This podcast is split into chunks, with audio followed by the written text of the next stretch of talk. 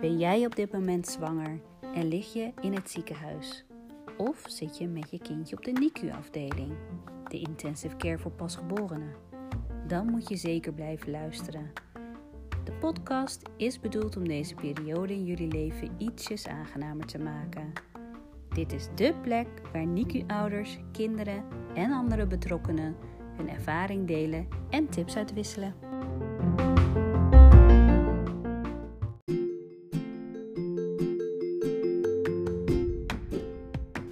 En ik ben Mathilde Keij, zangpedagoog, ZZP'er, zelfmoeder van een kindje met een moeilijke start en ervaringsdeskundige op het gebied van candida sepsis, RICUM, VPD, de zondevoeding en het ziekenhuisleven. Fijn dat je weer luistert. Welkom bij de Binnen met je baby podcast, aflevering 5, ex-prematuur Melissa, van klein naar groot, vertelt.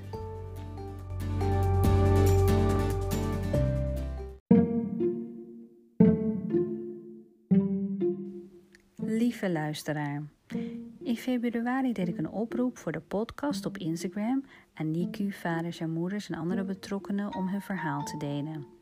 En ik verwachtte in gesprek te gaan met andere ouders. Maar wat bleek? In eerste instantie reageerden ex-prematuren. En ik vond dit zo'n waardevolle aanvulling voor de podcast om niet alleen de kant van de ouders, maar ook vanuit het kind te kunnen belichten.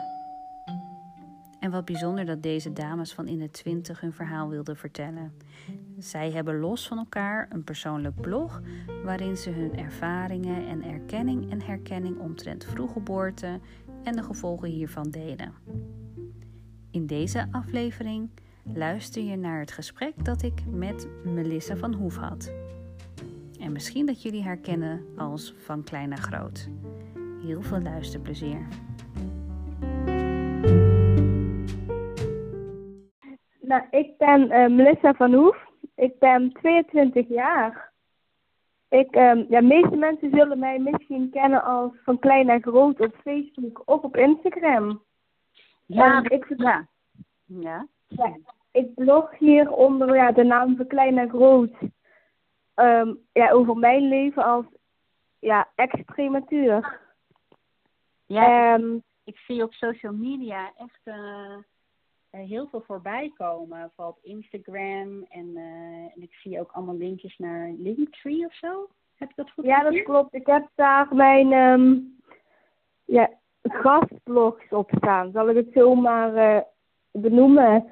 Dat zijn eigenlijk alle blogs die ik ja, bijvoorbeeld nou met jou doe of met andere platformen. Dan kunnen mensen eigenlijk gelijk naar die blog toe gaan. Dan hoeven ze niet eerst mijn hele Facebook of mijn hele Instagram af te scrollen, willen ze hem zoeken.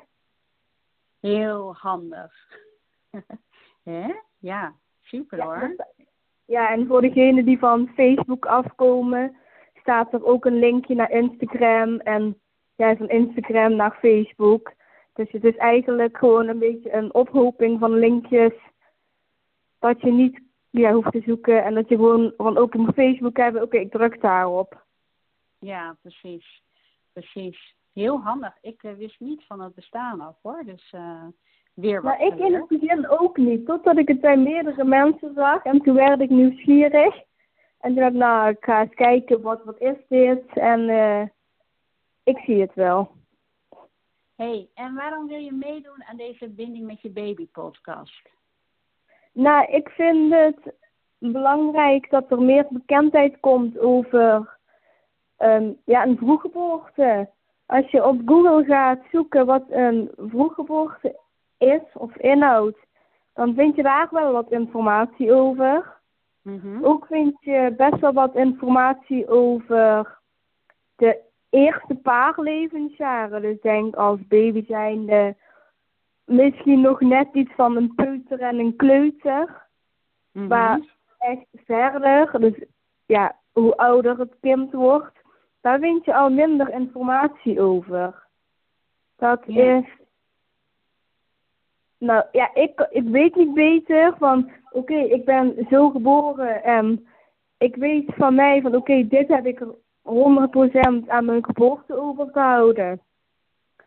En ik denk gewoon, ja, ik, ik ben Melissa en zo ben ik gewoon. Mhm. Maar ik snap ook wel dat er ouders zijn waarvan het kindje nog heel jong is, dat ze misschien willen weten van, maar hoe gaat het dan als ze later groter zijn of ouder zijn? Want Ja. ik hoor ook wel eens mensen zeggen van, maar je hebt toch gewoon, je bent één keer te vroeg geboren.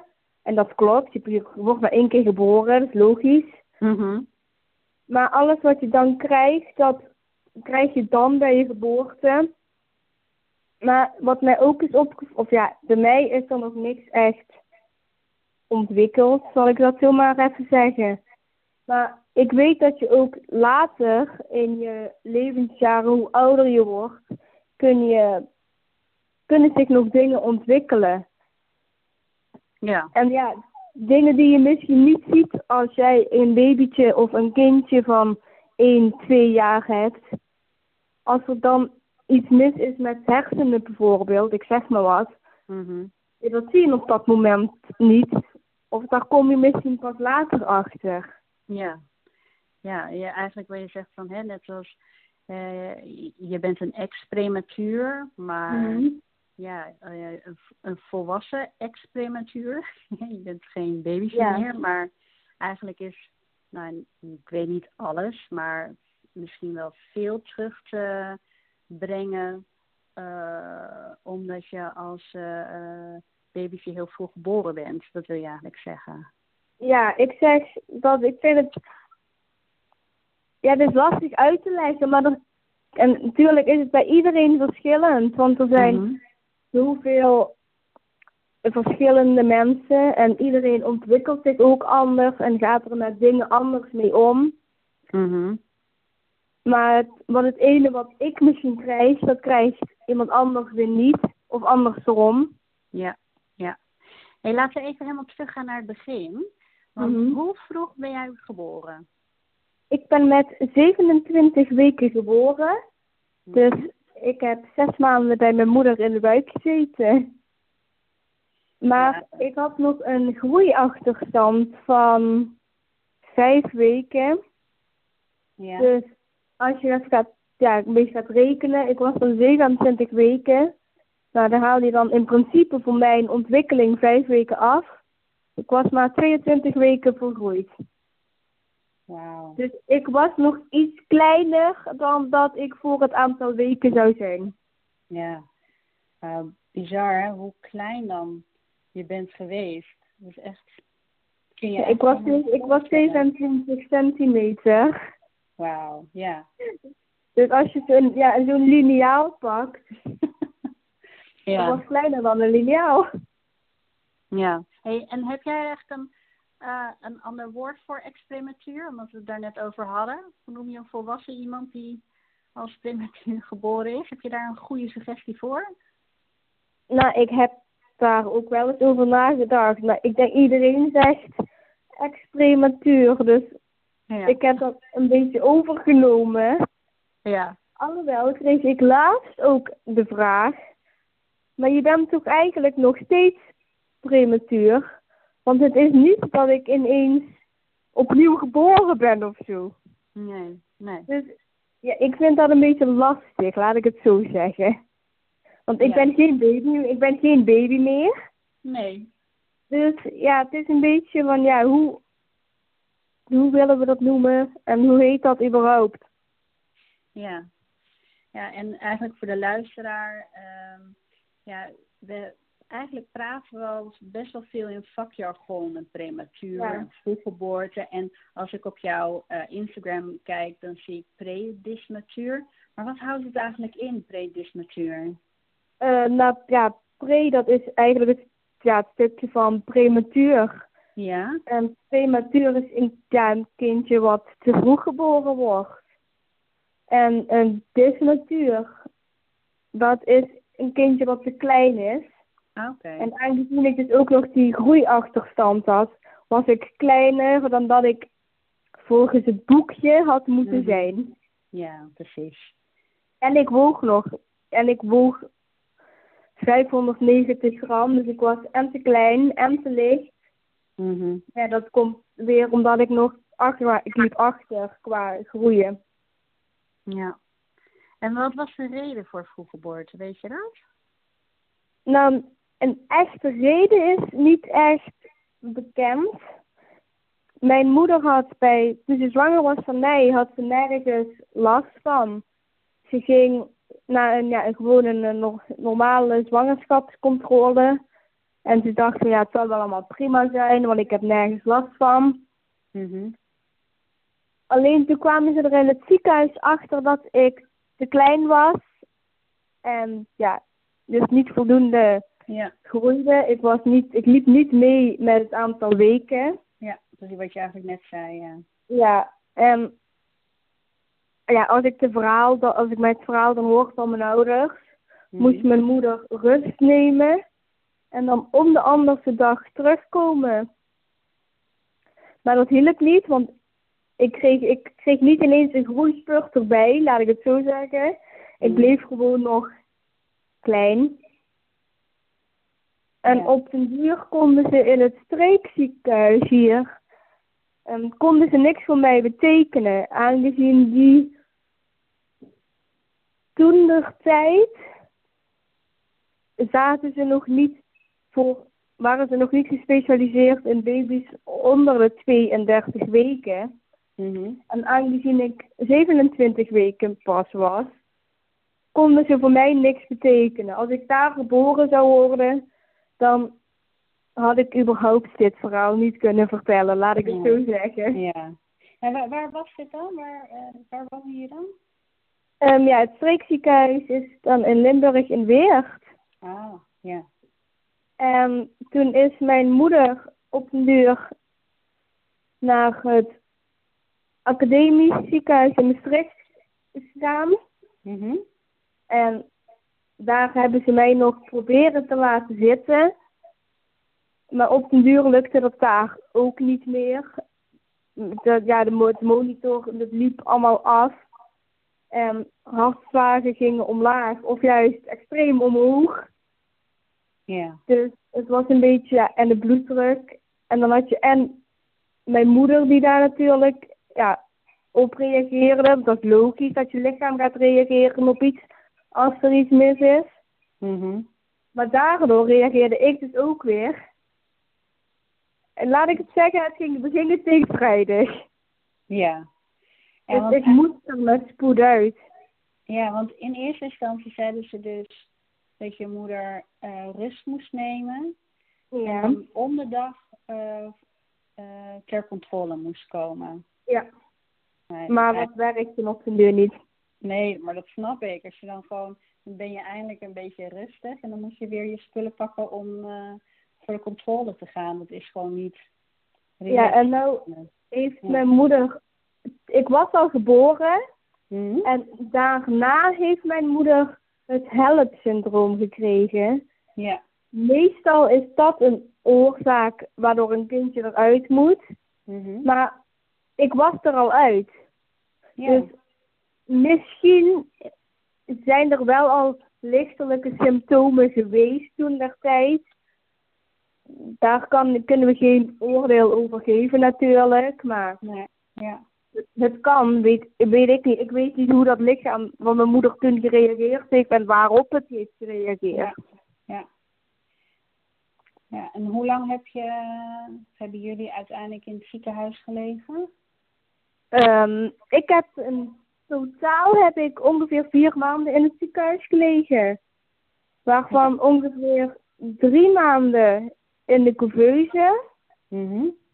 Ik heb eerst, ja, plus minus twee maanden, tweeënhalve maand in het academisch ziekenhuis dan doorgebracht. Ja. Daar lag ik sowieso in de couveuse. Dat, dat was in Maastricht, toch? Ja, dat was in Maastricht. En ja, daarna heb ik nog anderhalve maand, twee maanden gewoon hier in het streekziekenhuis gelegen. Ik was ja, sterk genoeg om Maastricht te verlaten en terug naar Weer te kunnen. Mhm. Heel fijn natuurlijk, want het is een stuk dichterbij en je kon sneller op bezoek gaan. Want ze konden op de fiets komen in plaats van eh, eerst een eh, aantal kilometers afleggen. Ja, precies. Ja, en hoe hebben je ouders die uh, NICU-periode ervaren? Nou, als ik dat aan hun vraag, het was Mhm. een achtbaan vol emoties. Ja. Maar dat vind ik niet gek als jij eerst te horen krijgt dat een kindje te vroeg geboren wordt. En dat dan de prognose zo enorm slecht is dat jouw kindje voor 98% doodgeboren kan worden. En als het zou overleven, dan zou ik voor 2% meervoudig, ehm, meervoudig beperkt worden. Dan zou ik waarschijnlijk ook niet thuis kunnen wonen. Ja. Nou is, ik zeg altijd van beide dingen niet helemaal waar. Want ik ben gewoon geboren en ik heb die 2% wel behaald, dat ik bleef leven. Mhm. Alleen het stukje dat meervoudig beperkt en niet thuis kunnen wonen, dat is verdwenen. Dat is niet waar geworden. Ik weet niet waar dat is gebleven, maar dat ben ik niet. Nee. Nee. Want je woont, je woont wel gewoon thuis.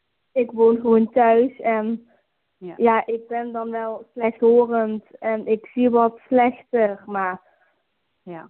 erger. Dus niet dat ik ja, zo slecht ben en alles. Ik ben gewoon normaal, laat ik het zo zeggen. hey, en je zegt net slechthorend. Hè? Heb je nog andere lichamelijke klachten waarvan je denkt van, oh, dat heeft waarschijnlijk te maken met eh vroeggeboorte? Ehm, van dat ik slechthorend ben en dat ik ja, slecht zie. Daarvan weten we in principe 100% zeker dat dat van mijn geboorte afkomt. Ja. Aangezien ik zuurstoftekort heb gekregen. Mhm. En verder heb ik, of ja, tussen haakjes, nergens last van. En ik zeg altijd tussen haakjes, omdat natuurlijk ieder mens kan wel eens bepaalde klachten hebben of ergens last van hebben, omdat iemand bijvoorbeeld ziek is. Mhm. Maar ik ben dan niet, van, niet zo iemand dat ik gelijk als ik ziek word van, oh ja, dat komt van de geboorte af. Want ik denk van, er kan ook gewoon iets in de lucht hangen waardoor iedereen ziek wordt. Ja, Ja. ik weet het niet. We zitten nu ook lekker in die coronatijd. Ja, heerlijk.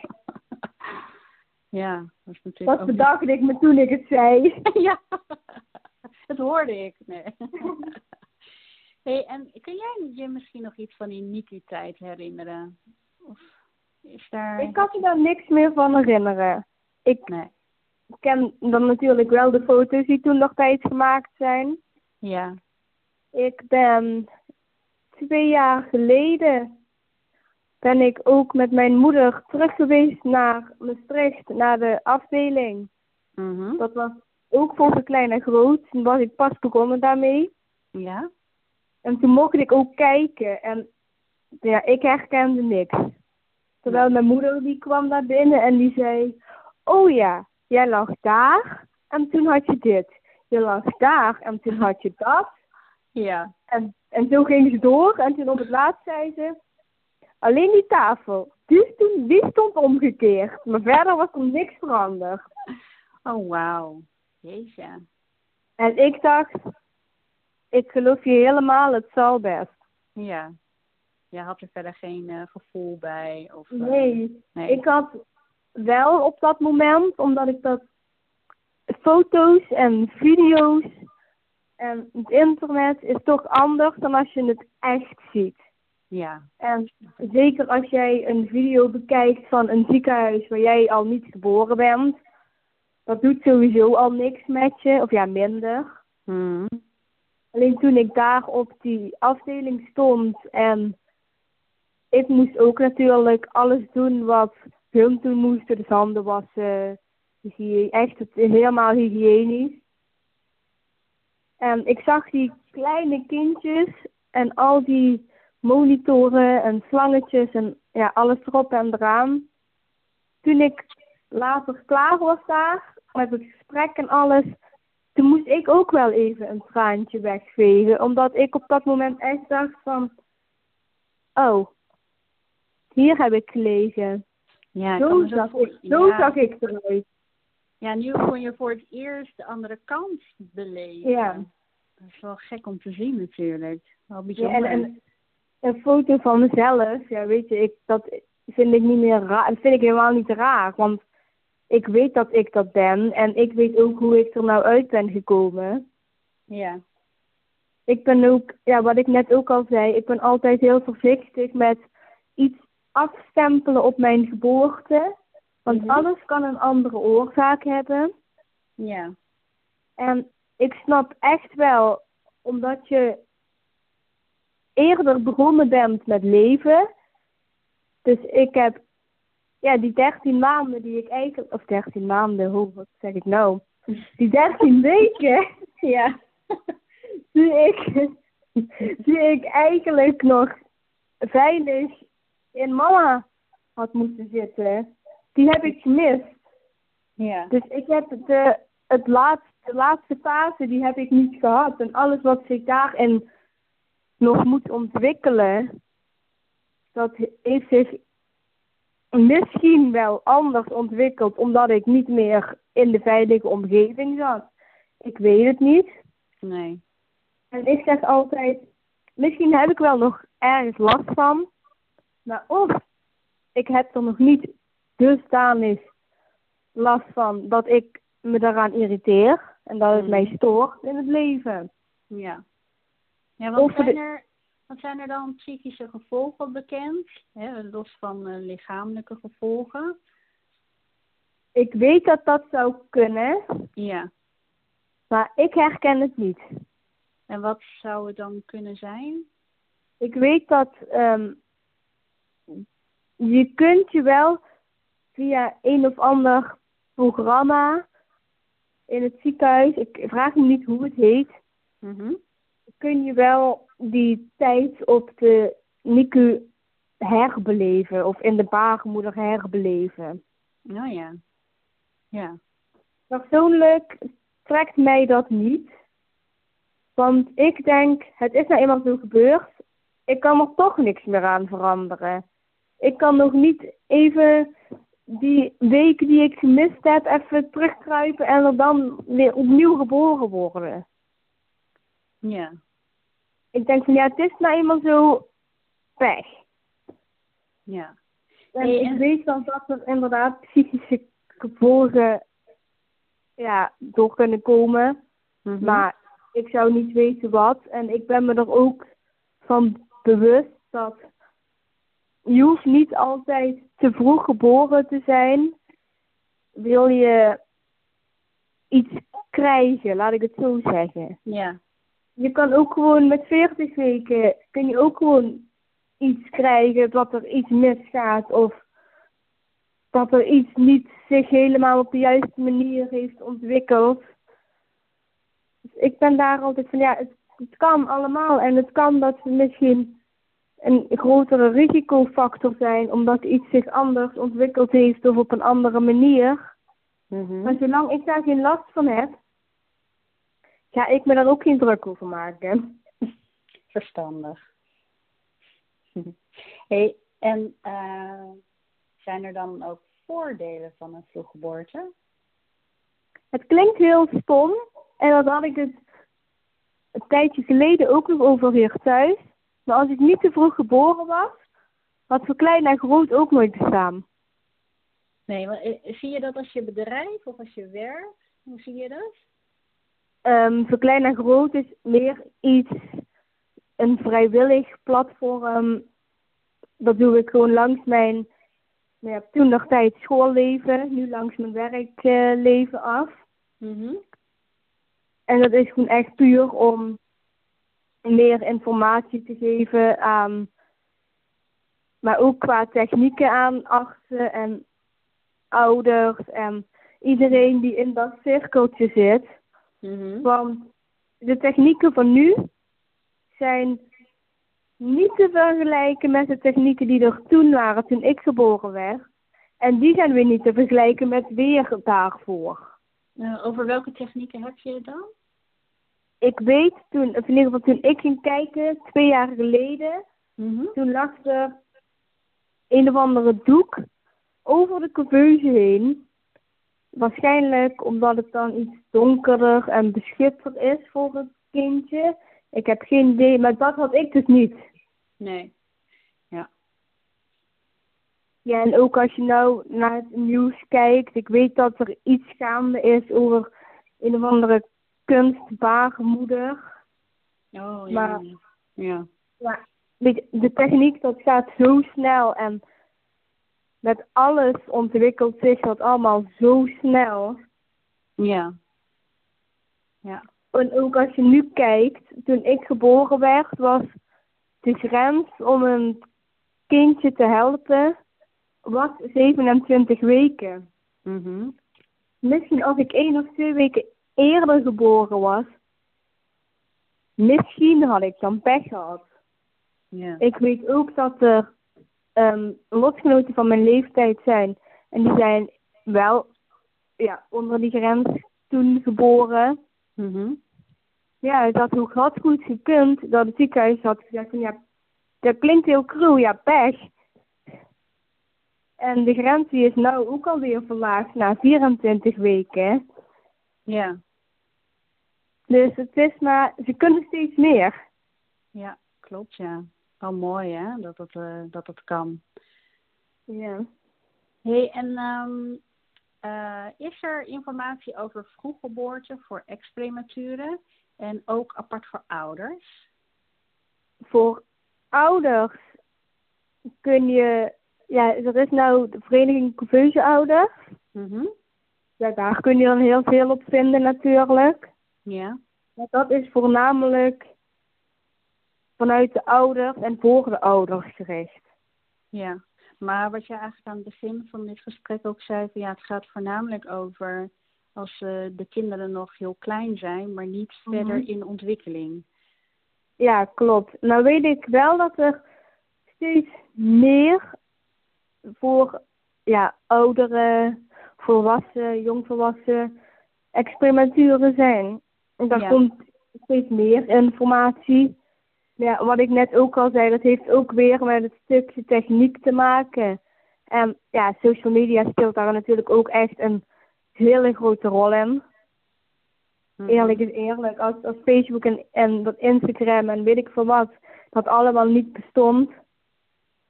Ja, waar had ik het dan moeten gaan vertellen?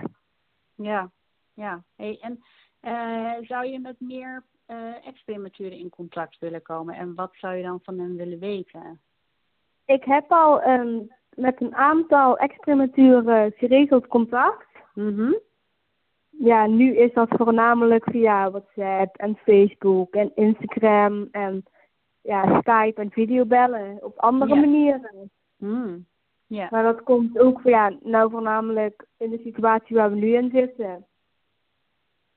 Maar uh, vorig jaar alweer, Ja. Toen ben ik ook naar een, een de inkomst geweest. Daar waren we met, even uit mijn hoofd, ik dacht vijf of zes andere ex-prematuren. Ja. En ja, je deelt dan natuurlijk jouw verhaal. En waar loopt diegene tegenaan? En waar loop jij tegenaan? En herken jij dat? Of er werden ook dingen genoemd waar ik bij dacht, hè, dat ken ik niet. Of dat heb ik niet. Of daar heb ik nooit van gehoord. En wat kwam overeen dan? Wat, Ehm, ja, psychische klachten bijvoorbeeld. ja. Zoals? Ik heb daar geen ervaring mee. Ik weet wat het is en ik weet dat het kan. Maar ik heb, ja, ik, ik, ken, ik ken dat niet, laat ik het zo zeggen. Ik heb daar geen ervaring mee. Ik heb daar geen last van. Maar op welke manier hadden zij er last van?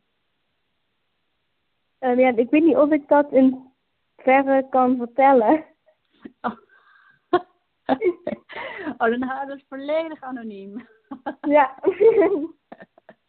maar dat is ook weer bij iedereen verschillend. Natuurlijk, Ja. sommigen die hebben er ehm, last van op het een stukje hechting met de ouders. Ja. Omdat ze zeggen ook heel vaak als het kindje niet gelijk na de bevalling bij de moeder op borst gelegd wordt, Mhm. dan krijg je niet die hechtingsband. Maar ja, ik, ik heb gewoon een hele goede band met mijn, met mijn ouders. Mhm. Fijn. Ja. Ja. het stukje hechting daarin, ik weet niet of je dat echt als psychisch mag benoemen. Mhm. Maar ja, dat stukje, dat, ja, dat, dat herken ik niet. Ik heb eh zeker een vraag over geslagen, lekker dan. Maar deze sluit wel mooi aan op wat we nu aan het bespreken zijn. Want eh, heb jij misschien eh, nog hulp of therapie gehad in het verleden? En Misschien in verband met het horen of het zien, of ben je daarin extra begeleid? Met het zien, volgens mij niet. Ja, ik ben naar de KNO-arts geweest, maar, Ja. en, naar, en naar de oogarts en alles, maar verder niet. Wat ik me kan herinneren. En ik heb daar ook verder nooit iets van gehoord. Nee. En ja, met het, met mijn oren, ja, ik moest natuurlijk om de zoveel tijd een, ge- een gehoortest. En dan gingen ze kijken van oké, wat, waar heb jij je beschadigingen natuurlijk nou zitten? En hoe zit jouw gehoor in elkaar? En had je daar last van dan ook op school? Nou, ik kan me het niet herinneren. Hm. Ik, dat, dat, die vraag kreeg ik laatst ook trouwens. Ik kan mij niet herinneren hoe ik hoorde zonder hoor te stellen. Hm. Ik, ik heb nou, nou zo'n 15 jaar gehoord te stellen. Dus ik, kan, ik was erg jong toen ik het kreeg. Ja.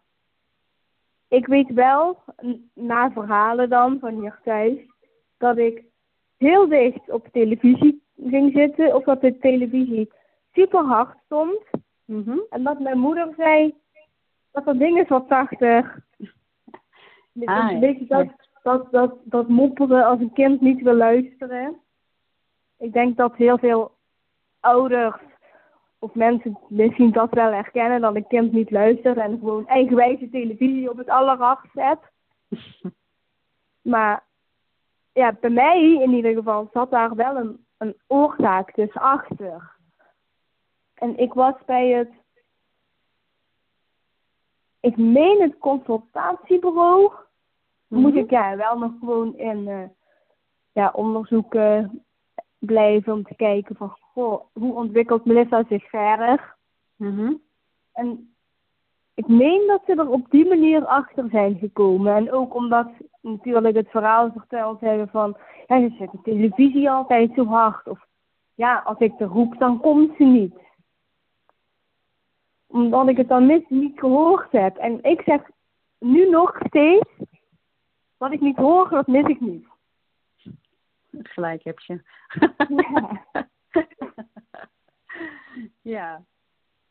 Ja, en daarin, op dat stukje heb ik natuurlijk wel op school Ja.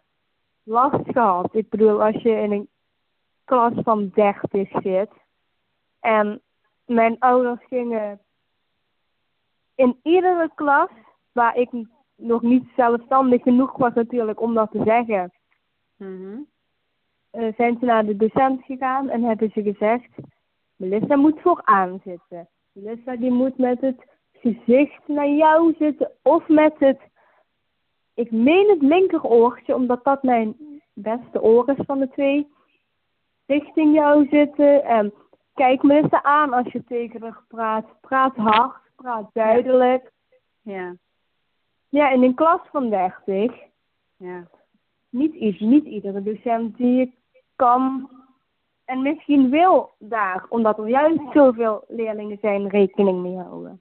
Mhm. En toen in de kleuterklas had ik een juffrouw En die kreeg ik later in groep 8 kreeg ik die weer. Dus die, ja, die had het verschil van toen en die twee klassen gezien. Ja. En toen zei zij op den duur van, Melissa die krijgt niet alles mee. Maar ja, wat ik net ook al zei, iets wat ik niet hoor, ja, dat mis ik niet. Nee. En je kunt wel aan mij vragen, heb jij alles gehoord?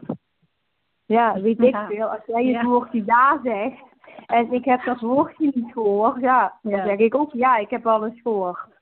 Ja, precies. En zo is het medische balletje weer een beetje gaan rollen.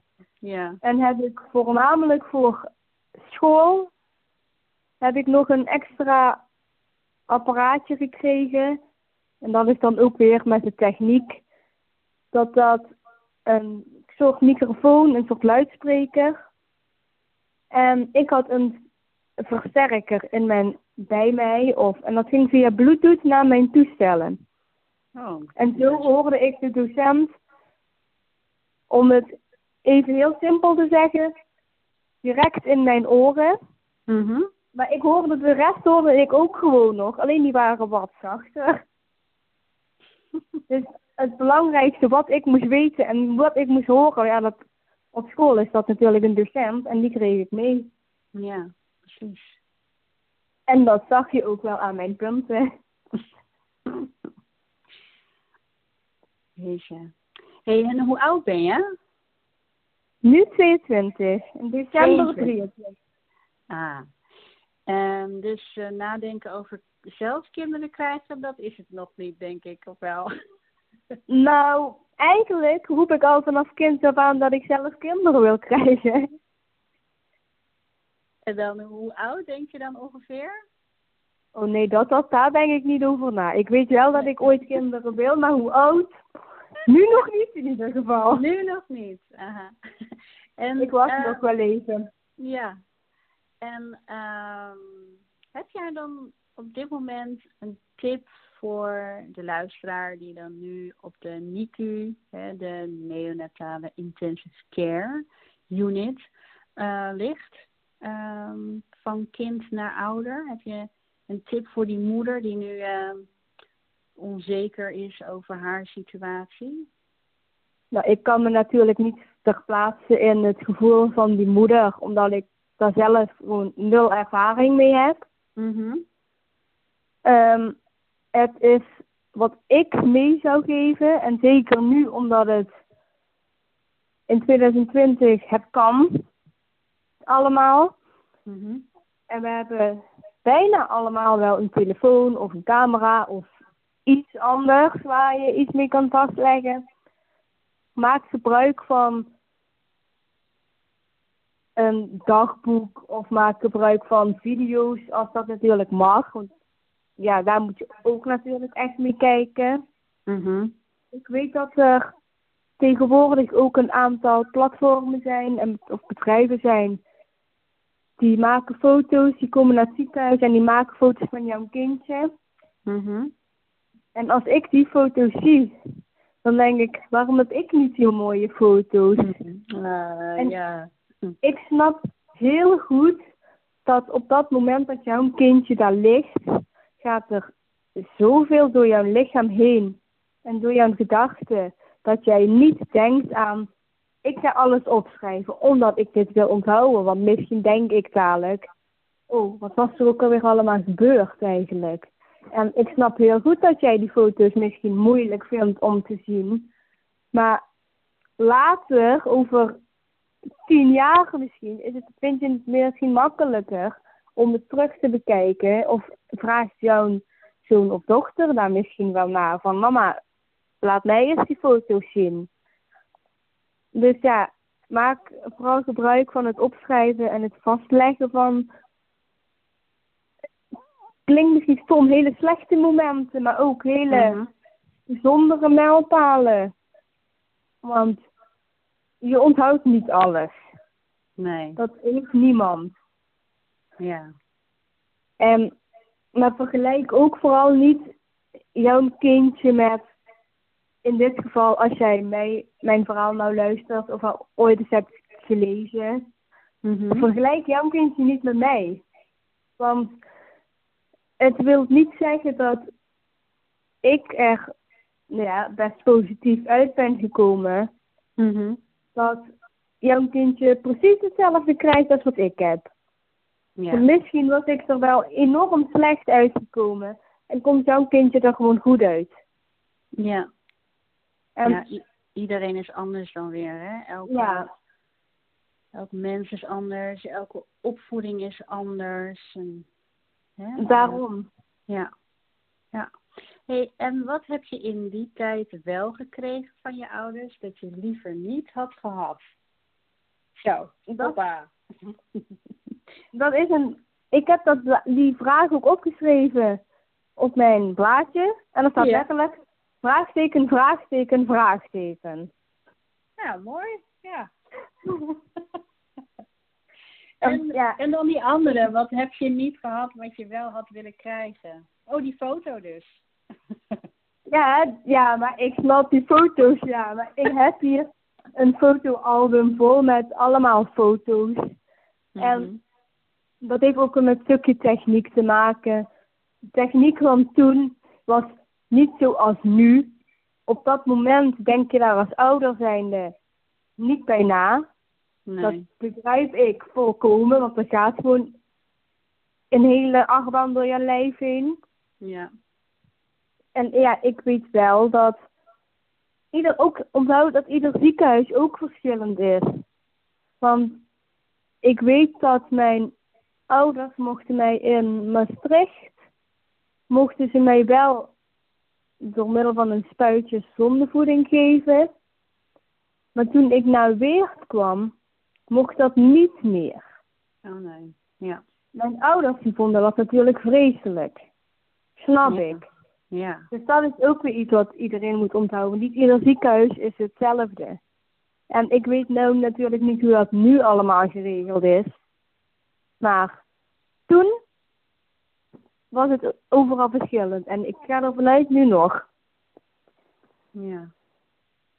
Maar daar heb ik niks onder, eh, niks onder geleden hoor. Ik heb gewoon eten gehad. En dat vond ik toen waarschijnlijk prima. ja. Hey, en werd er toen ook voor je gezongen? Of zongen je ouders voor je? Dat je weet. Maar ik weet dat mijn ouders in ieder geval. Ik denk niet dat als ik in een ruimte sta waar. Nou probeer ik me het beeld van die afdeling weer terug te krijgen. Maar er stonden in ieder geval heel veel bedjes. Mhm. Ik denk als iedere ouder op dat moment gaat zingen, dan krijg je een heel raar zangkoor. Ja, dat dus zou ik dan kan me niet echt. Ja, niet echt herinneren worden. Ja. Dat ze voor mij gezongen hebben. Ik weet ook niet of ze daar überhaupt over nagedacht hebben. Mhm. Dus ik denk het niet. En welk nummer vind je mooi dat misschien troost biedt of, eh, eh, of wat je zelf vindt slaan op die periode waar je, ja, waar je positieve energie uit krijgt? Heb je een bepaald nummer wat je wil meegeven aan, eh aan de Ik heb-? En ik heb in voor Wereldprematurendag 2018, toen heb ik een video gemaakt voor op klein en groot, waar je mij ehm, ja, in een bos ziet lopen. En op den duur, je ziet mij bij, ik loop van de camera weg. Ja. Dus je kijkt gewoon naar mijn rug en daar komen dan op de duur allemaal foto's van hoe ik als baby was. En het is zich zo gaan ja, opgroeien tot een foto van baby, een foto van een peuter, een foto van toen. En eigenlijk zo door tot, totdat ik weer op het recente leeftijd zat qua Mhm. foto's. En aan het einde van het filmpje heb ik me, zou ik maar zeggen, omgedraaid. Maar dat zien jullie niet. Jullie zien de foto's. Maar aan het einde van het filmpje kom, loop ik weer richting de camera. Mhm. En ik heb daar het liedje onder gezet. This is what it feels like van Armin van Buren. Mhm. Alleen ik heb dan de cover variant van John Eubank. Waarom? Die is rustiger. Mhm. Ik vind het origineel natuurlijk ook heel mooi, daar niet van. Maar ik ben meer van de rustigere liedjes. Ja. En ik, op den duur zingen ze ergens in een refrein. En volgens mij komt dat stukje ook vaker voor. Van, ehm, ik heb het overwonnen en ik leef. En dat stukje, dat heb ik weer bij mijn andere video's die ik op klein en groot gezet heb. In het beginstukje daarvan, dan zie je gewoon een intro van dat je naar een video van zo klein en groot kijkt. En daar komt dat zinnetje in voor. Want ik ben me er echt wel van bewust dat mijn geboorte ook een hele andere weg in had kunnen slaan. Mhm. En dat ik wel of doodgeboren had kunnen worden. Of er wel heel anders uit had kunnen komen. Ja. Ja. Wel heel mooi dat je juist die zinnen, dat dat er zo hè, met jou mee eh, vibreert haast, Mhm. zou ik zeggen. En dat je daarop hebt afgestemd. Ik heb het overwonnen en ik leef. En, en, en zo voelt het denk ik ook. Hè? Dus Ja, nou, toen ik had mijn moeder, nee, ik had überhaupt mijn ouders, had ik, die wisten helemaal niks van dat filmpje af. Ja. Ja. Dus, en ineens op Wereld Prematurendag toen bam, kwam dat filmpje online. En ik was toen werken toen dat filmpje online kwam. En mijn moeder die zei van, die ik stuurde mij een berichtje van, hallo, ik moest hier bijna huilen. Omdat je, je ziet en alle foto's voorbij komen van baby tot nu. Mhm. Ja, tot twee jaar terug dan, omdat twee jaar geleden online is gekomen. ja. En ik denk dat dat liedje daar ook wel iets in heeft gedaan. Juist omdat het zo'n rustig liedje is en je ziet mij gewoon opgroeien. Ja, mooi hoor. Wat, eh, Door middel van foto's, maar je ziet mij opgroeien. ja, en, wat- wat een geweldig cadeau voor je ouders. Hè? Ja, die, maar die, die weten bij z- meerdere dingen weten ze er niet van af. En dan, ik heb ook wel eens dat ik dan een, een artikel schrijf over hun of voor hun, met de dag van de couveuse ouders bijvoorbeeld. Ja. En ik kan naar hun zeggen zulke verhalen schrijven, dat ze er wel iets bij, bij voelen. Ja, dat kan ik me heel goed voorstellen. Ja, mooi. Hey, en ehm, ja, welke troostende woorden heb je voor de ouders die dan nu op de NICU? Ja, voornamelijk blijf sterk, Mhm. praat met elkaar, Mhm. Goeie, hele goeie. maar ja, ook met andere familieleden, misschien opa's en oma's. En het is gewoon zo'n een heftige periode. Als je daar geen gevoel bij hebt, dan klopt er wat niet. Laat ik het zo zeggen. Ja.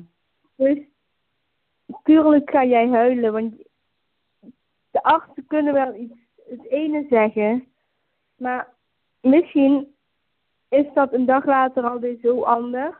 Ja. Het is gewoon echt letterlijk een achtbaan, dus het is, je weet gewoon niet wat je moet doen. En dat snap ik, als, als moeder of als vader, je staat machteloos, want jij kan niks.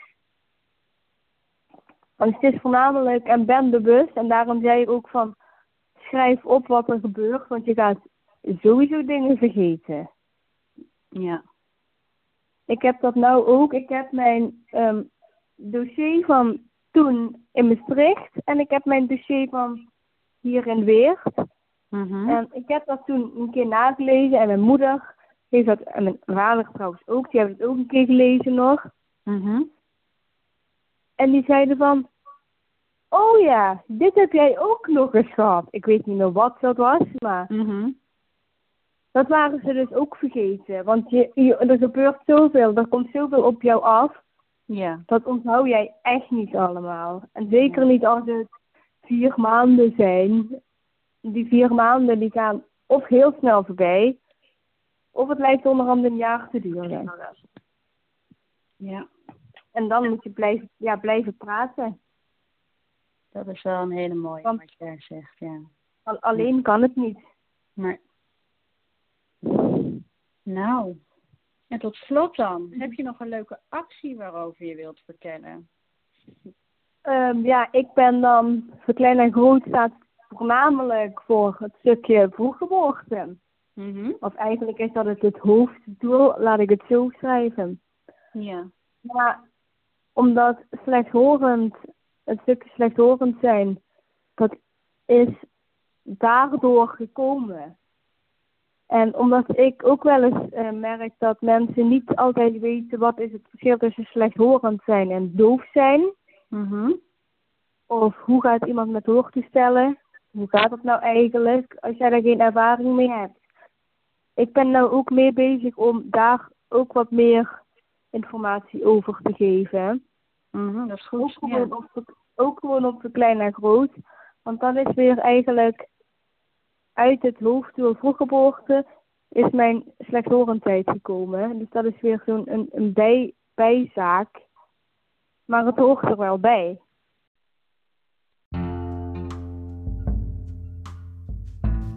Ik hoop dat je genoten hebt van dit gesprek met deze ondernemende jonge vrouw Melissa van Van Klein naar Groot. En mocht je nog vragen voor haar hebben, of misschien heb je ook vragen over slechthorendheid, of hoe zit het nou precies met gehoortoestellen, dan kun je contact met haar opnemen. En haar gegevens vind je natuurlijk in de show notes. En vergeet niet het nummer This is What It Feels Like van Armin van Buren en dan de cover van John Eubank helemaal af te luisteren in de Binding met je baby Spotify afspeellijst.